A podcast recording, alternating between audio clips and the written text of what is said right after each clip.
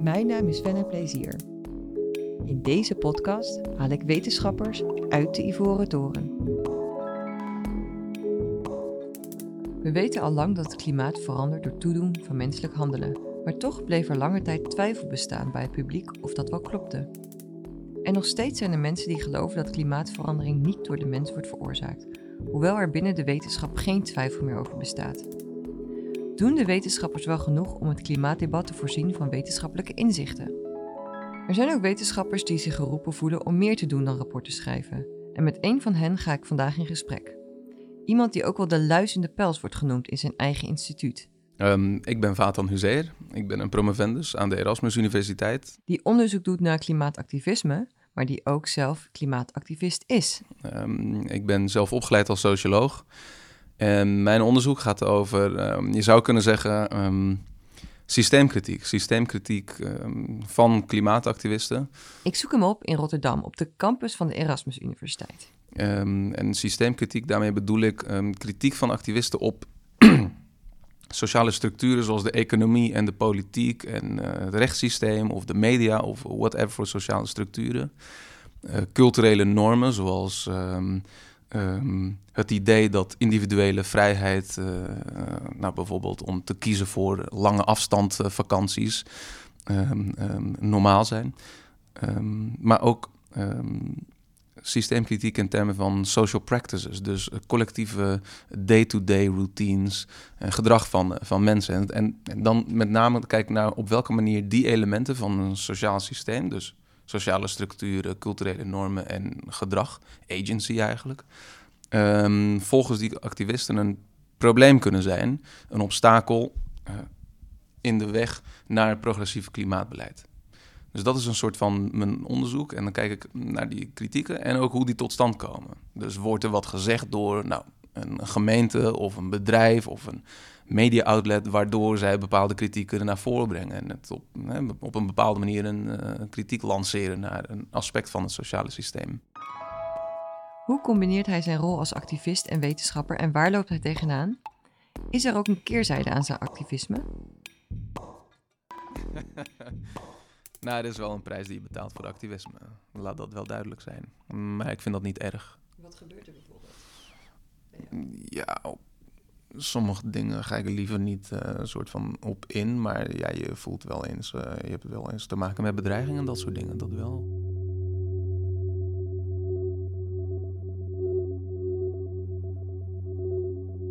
Mijn wetenschappelijk werk gaat over klimaatactivisme en, eh, en hoe klimaatactivisten dus één tot systeemkritiek komen en vervolgens waar die kritiek dan uit bestaat. Uh, zelf ben ik een activist, ik heb ook wel mijn kritieken, maar ik ben hun kritiek aan het optekenen. Um, dat één. En um, ja, die, die twee die, um, ja, die, die bijten elkaar niet per se. Het is niet zo dat je als je een vrouw bent, je niks mag uh, zeggen over uh, de identiteit van een vrouw je mag best ook iets zijn wat je onderzoekt. um, um, en, ehm, maar ik merk wel dat ik vaker dan gewoonlijk uh, het onderwerp, een onderwerp van discussie ben op dit gebied. Hè, want je bent een activist en nou, kan het wel samengaan. Mm, maar ik snap die kritiek eigenlijk niet. Uh, kijk, ik ben moreel geëngageerd met de maatschappij. en ik heb ook opgeroepen tot een activistische wetenschap. Uh, dat wetenschappers zich actiever mengen in het klimaatdebat. Um, volgens mij gaan die twee juist heel erg hand in hand samen. Um, en daarbij komt ook dat in de wetenschap heb je allerlei methodologieën die beschrijven hoe je uh, nou, een activist scholar kunt zijn. Je kunt uh, auto-etnografisch uh, participerend observaties doen. Je kan um, participatory action research uh, uitvoeren. Zijn, dat zijn allemaal van die, uh, van die uh, methodes waar die een soort van een handboek geven van hey, hoe kun je nou tegelijkertijd een, een, activist zijn, maar ook een, een, onderzoeker. Die twee gaan heel erg goed samen. Alleen ik ben expliciet met mijn moraliteit. En heel veel andere wetenschappers zijn niet expliciet met, moraliteit, met hun moraliteit. Dat betekent niet dat ze niet moreel zijn. Of dat ze uh, onethisch zouden zijn of iets dergelijks. Iedereen heeft een ethiek, iedereen heeft een moraliteit. Alleen bij mij is die wat explicieter. En het feit dat ik expliciet ben, dat leidt ertoe dat ik uh, onder dat wat ik doe onder vergrootglas geplaatst wordt. Wat hebben we eigenlijk aan activisten in de samenleving? Hm, een hele goede vraag. Um, niet voor iedereen is die duidelijk en voor activisten zelfs uh, soms ook niet. Um, maar I like to believe dat uh, activisten zijn een soort van. Ik zie ze als een. Um, mm, bijtjes, vlinders uit de natuur. Ze zijn heel gevoelig voor sociale veranderingen. En als er uh, bepaalde veranderingen dreigen op te treden, uh, dan, dan, zul je de dan kun je de activisten zien als een soort van. Mm, um, een soort van graadmeten, weet je wel? Van, hey, we, merken dat dit en dit, deze en deze verandering op stapel staat, op de rol is, op de rol staat. wat vinden we daar nou van? En activisten die verwoorden dan bijvoorbeeld culturele onvrede over een, een dreigende verandering. En het is goed om to take notice van wat ze zeggen, want misschien kunnen we daar wel wat aan hebben. De bijtjes en vlinders in de natuur. Dat is een ander beeld dan de klimaatactivisten die zich vastketenen of straten blokkeren. Zorgen zulke klimaatactivisten juist niet voor toenemende polarisatie? Um, dit is een, een vraag over moeten we polarisatie vermijden? Of is zijn conflict in de samenleving oké? Ehm, mm, zo'n type vraag is het. En uh, kijk, ik ben, ik ben er niet voor om te polariseren. Maar als, de, als polarisatie een gevolg is van, um, van um, geëigende argumenten, dan kan dat wel eens uh, leiden tot een, een nieuwe fase uh, van denken in de samenleving. En dat is een groot goed. En ik denk dat wanneer je mm, op grond van goede argumenten geëikte argumenten. Dat, ja, kijk, als conflict ontstaat, ja goed, ja oké, dat, dat kan gebeuren. We moeten niet sarcastisch daarover doen. Dat kan wel eens, ja, ik noem dat de pijn van verlichting. Dat kan wel eens een pijn van verlichting zijn. Dat we ons oh, even, oeh, even ongemakkelijk voelen. Hè, bah, hè, een nieuwe realiteit. Ja, oké, ja, gebeurt. Weet je wel, uh, soms kan dat wel eens een, een, een logisch uh, of een, een oké ontwikkeling zijn. Onderweg naar de gedroomde samenleving. Conflicten in de samenleving zijn niet altijd te vermijden en ze kunnen ons ook verder brengen. Maar wat is de rol van de wetenschapper in dit conflict? Moeten ze afstand nemen of zich juist duidelijk positioneren? Nou, als uh, wetenschapper, um, laten we zeggen een klimaatwetenschapper. Als klimaatwetenschapper uh, ben je op de hoogte, als het goed is, over, uh, de, over één, klimaatverandering. Twee, dus hedendaagse klimaatverandering. Twee, dat mensen daar een hele belangrijke veroorzaker van zijn. Drie, dat dat komt door de verbranding van fossiele brandstoffen. En ook wel andere zaken, zoals landgebruik en cement. bijvoorbeeld het gebruik van cement is ook echt een, een, een, um, een variabele op zich. Die wordt aangeduid in de klimaatwetenschap, want bij de productie van cement komt veel um, CO2 vrij.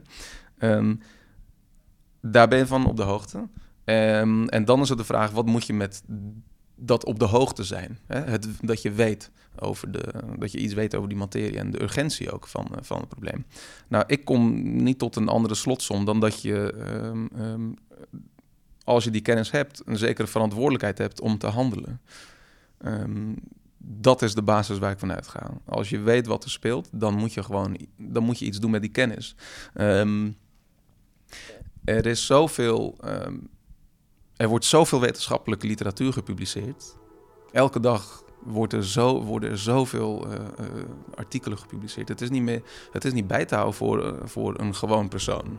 Hè, een gewoon persoon, ik bedoel dan een non-academicus, een non-wetenschapper. Dus je hebt een verantwoordelijkheid om, om wanneer het gaat om klimaat, vind ik dan heel erg, om wanneer je um, iets publiceert bijvoorbeeld, dat, dat dat niet het einde is van je inspanning. Maar dat je ook nog met je publicatie uh, de hoort op gaat. En dat je bijvoorbeeld politici op de hoogte brengt van wat je zoal voor inzichten hebt verkregen. Want anders verdwijnt je effort. En dan mag je blij zijn dat je over 20, 30 jaar, als je een keertje nostalgisch bent naar je wetenschappelijke carrière, dat je dan kijkt naar Google Scholar. En dat je dan ziet dat uh, ja, dat grote belangrijke of dat werk waarvan je dacht dat het zo groot en, groot en belangrijk was, dan zie je dat het vier referenties uh, teweeg heeft gebracht. Weet je wel, ja, gefeliciteerd zou ik haast zeggen. Doe iets met, met die inzichten die je hebt verkregen. Um, breng dat, maak dat te gelden in de maatschappij. Volgens Vatan is het kwalijk als wetenschappers zich niet uitspreken. De gevolgen van het negeren van inzichten zijn namelijk groot, zeker rondom klimaatverandering. We weten al lang al ehm, hoe groot het probleem, probleem, is. We weten al lang al wat de ideale jaarlijkse uh, uh, CO2-emissiereductiedoelstellingen zouden moeten zijn. Maar we verzaken. De Nederlandse staat is aangeklaagd door Urgenda, een stichting waar ik eerder voor heb gewerkt, een klimaat- en energieteam. Um, de Nederlandse staat is aangeklaagd omdat ze te weinig, te weinig maatregelen namen tegen klimaatverandering. Met succes. De Nederlandse staat weet dat, maar wat doet de Nederlandse staat? Die gaat in beroep ertegen. En nog steeds um, um, zijn, lijkt de overheid niet echt welwillend te zijn om, om alles te doen om, het, om de klimaatzaak te halen. Maar dan zegt ze van ja, op papier lijkt, is er een kans dat we, dat we toch het, het succesvol kunnen gaan opvolgen. Ja, dat is niet echt overtuigend. Dus um, niet alleen overtuigend, maar dat is een gevolg van het vermijden van de cold hard physical truth. Behalve de wetenschapper heeft ook de universiteit een verantwoordelijkheid te dragen, meent hij. Een belangrijk onderdeel is geld. Want om aan geld te komen zijn er steeds meer universiteiten die een investeringsfonds opzetten. Nou, de Erasmus Universiteit heeft er zo een. Zorg ervoor dat je niet investeert in fossiele industrie. Heel simpel. Heel simpel. En als je die nog niet hebt, want heel veel universiteiten in Nederland hebben die nog niet. Pledge dan, beloof dan dat je niet zult investeren in die industrieën. Heel simpel. Ehm, de Rotterdamse Universiteit, die toen, toen in 2013, toen ik daarvoor pleit hè, van verbreek de banden met de fossiele industrie. Uh, toen zeiden ze, ja, maar kijk, eh, ja, we hebben bijvoorbeeld geen investeringsfonds. Dus ja, het is wel heel erg gratuit om nu van tevoren te gaan beloven dat we dat die gaan doen. Hè? Investeren in fossiele bedrijven. Nou, ik zei, doe dat nou maar, want je weet nooit. Uh, je weet het nooit. Straks krijg je wel een investeringsfonds. Universiteiten die worden ja, die hebben toch die worden, die worden, die zijn financieel uitgedaagd. Onderwijsbudgetten lopen, lopen eh, gaan achteruit, hè, verminderen. Dus uh, universiteiten worden steeds meer gedwongen om op, op andere manieren fondsen aan te trekken. Dus misschien is het toch wel verstandig om alvast te pledgen dat je niet investeert in foute industrieën. uitsluitingscriteria hanteert. Nu is er dus een investeringsfonds en uh, wordt er nog steeds wel geïnvesteerd in de fossiele energie-industrie. Oké, de Erasmus Universiteit heeft wel gezegd... we willen niet investeren in alle, allerlei kolenbedrijven. Dus dat is goed, steenkoolbedrijven. Maar ze moeten de lijn doortrekken.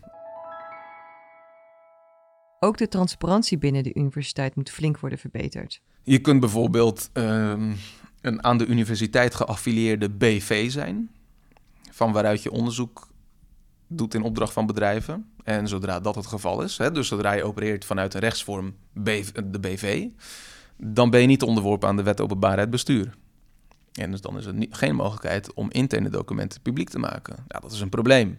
Als je niet onderworpen bent aan transparantievereisten of hè, mogelijkheden voor transparantie, ja, dan, dan kunnen daar allerlei dingen, uh, loesje zaken plaatsvinden. Dus dat is een manier. En een BV, uh, dat, die moet ook onderworpen worden aan um, transparantie-eisen. Dat is ook overigens een resultaat van uh, een commissie die heeft onderzoek gedaan naar integriteitsrisico's. Uh, naar aanleiding van ons A Pipeline of Ideas. En die kwam ook met een soortgelijke conclusie van ja, we moeten echt transparanter gaan worden.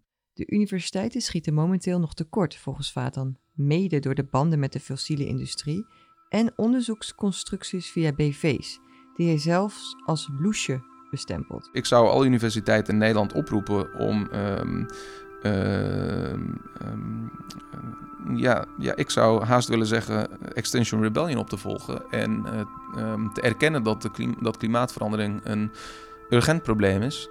Een existentieel probleem is. Mm, waar kennisinstellingen dus alleen maar oplossend aan wij, bij willen dragen. En dat ze dat ten alle tijde stellen boven het um, verbeteren, uh, optimaliseren van bedrijfsmodellen die juist klimaatontwrichtend werken. Dat is belangrijk. En um, ja, ik, ik roep alle universiteiten op om dat te doen.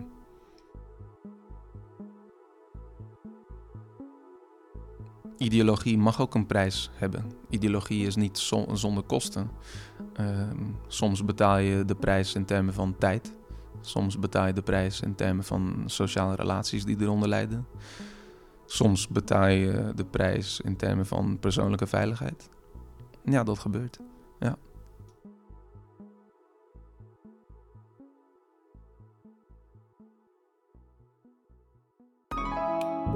Deze podcast is gemaakt door Venna Plezier voor het Leiden Delft Erasmus Center for Sustainability. Eindproductie en sounddesign door Michiel van Poelgeest van Klank.